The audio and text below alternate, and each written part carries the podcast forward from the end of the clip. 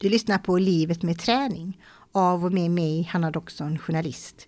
I det nionde avsnittet berättar Cecilia Areheim om hur hon utbildade sig, men även om gruppträning och att tänka positivt. Det började med att jag tränade på ett träningsställe där jag kände liksom att wow, här vill man ju vara. Här vill man eh, liksom hänga. Gemenskapen och att alla fick vara som de är.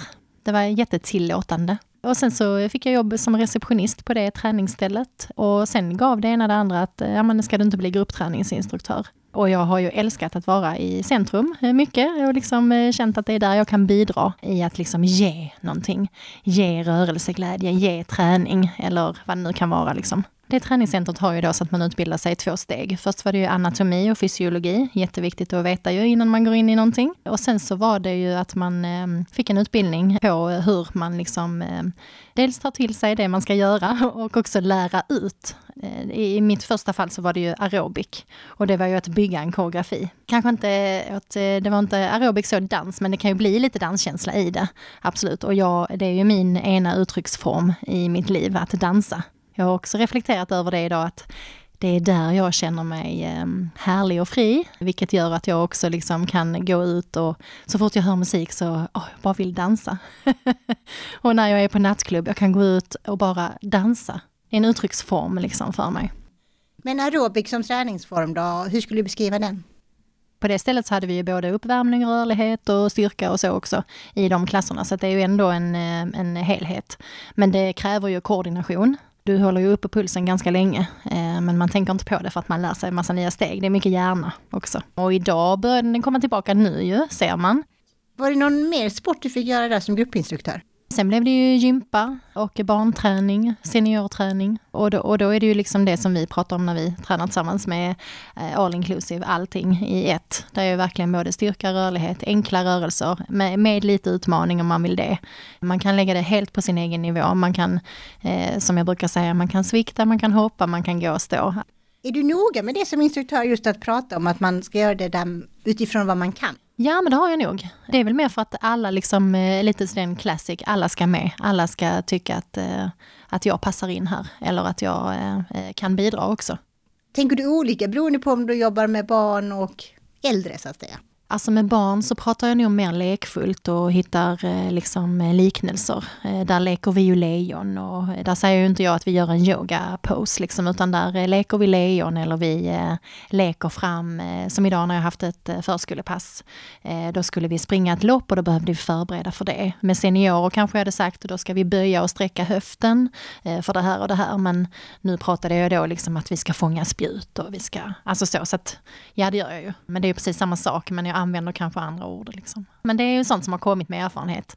Alltså nu har jag varit gruppträningsinstruktör i typ 20 år. Något sånt, ja. det, sen är det ju lätt också, det, man, man, får inte bara tänka att oh, det här kan jag. Utan eh, det är ju, eh, dels är det nya tider och så och det kommer liksom lite nya, alltså det beror på vilken publik man möter ju såklart.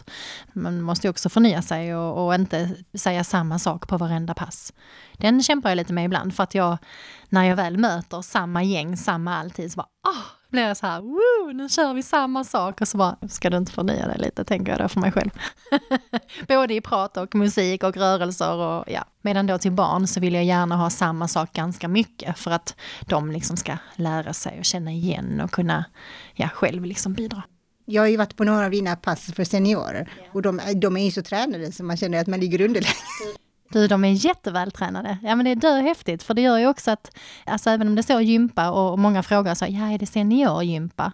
Mm, det beror på. Du, jag skulle ju säga att våra seniorer, eller där vi är, liksom, de är ju vältränade. Gruppträning för dig är någonting härligt, men för mig kan jag tycka att det är skitjobbigt. Nej men alltså man ser fel på sig själv, har jag inte rätt kläder, är jag inte tillräckligt stark, man har så många frågetecken i sig själv. Och jag tror inte jag är ensam om det, därför kan jag erkänna det om man går på seniorpass kan man bara gå in och, och så är jag bra som jag är. Och det är nog första gången som jag har känt att jag får vara som jag är liksom, när jag är där. Hur kan vi ändra den inställningen till oss själva? Liksom?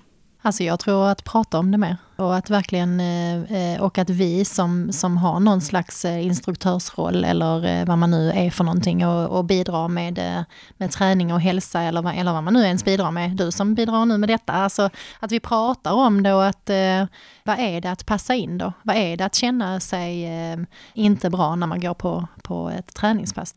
Men jag tror också att det är, alltså hela världen idag känns ju väldigt ytlig. Du verkar ju ha en trygg liten bubbla där borta Cissi, där man klarar sig ganska bra för det. Men vi övriga utanför den bubblan kan jag tycka att det är ganska jobbigt. Alltså att liksom alltid, är det någon plats man vill kunna gå och slappna av så är det på gymmet. Men nu till och med där så fotar ju folk selfies och gud vet vad, hur man ska gå träningskläder. Alltså det blir lite för mycket av allt. Att man inte kanske vågar gå och testa de här gruppträningspassen som låter skoj. Ja, men jag håller med. Absolut. Det har ju eskalerat. Och det är ju upp till eh, liksom, eh, de som eh, är i frontline, liksom, att verkligen värderingsfria det. Alla är välkomna och här gör vi så här och, och här är ett alternativ. För det har jag också tänkt på, om man säger så här, det här är, för dig som inte orkar detta, gör det här istället. Har jag också reflekterat över.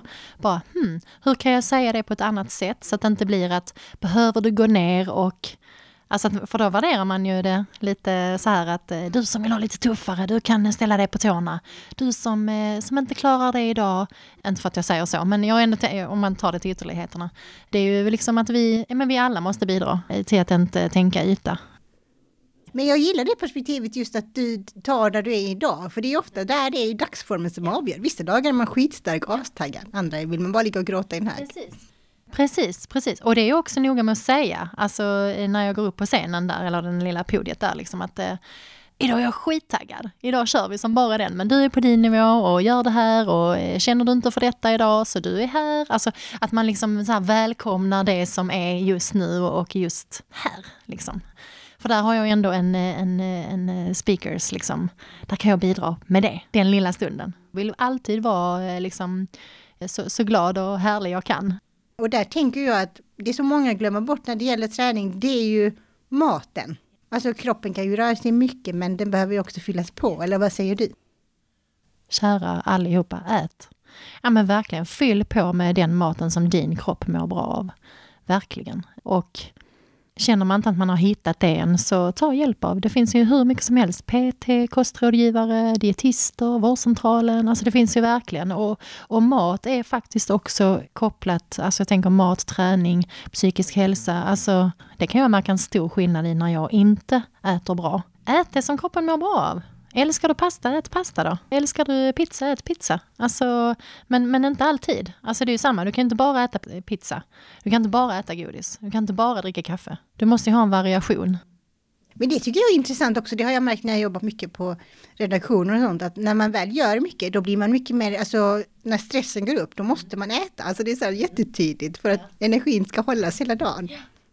Även om du eh, presterar eh, sittande om man säger, alltså det är mycket med, med hjärnkontoret så. Det är klart att det tar energi av kroppen. Och du måste ju fylla på. Jag brukar också säga det alltid på mina klasser. Fyll på, ät god mat, drick gott, ha det härligt. Alltså vi lever en gång. Gör det som du mår bra av. Har du en PT idag Cissi? Ja det har jag faktiskt att någon tittar utifrån på, på mig och vad jag behöver utifrån mina referenser som jag har berättat för någon annan. Mår jättebra i maten och mår jättebra i träningen och liksom man optimerar utifrån eh, min, bara min kropp. Jag kan inte ge det PT-programmet till någon annan utan det här är bara för mig. Du har lyssnat på Livet med träning. I nästa avsnitt handlar det om träning i ett större perspektiv. Producent är jag, Hanna Doxon.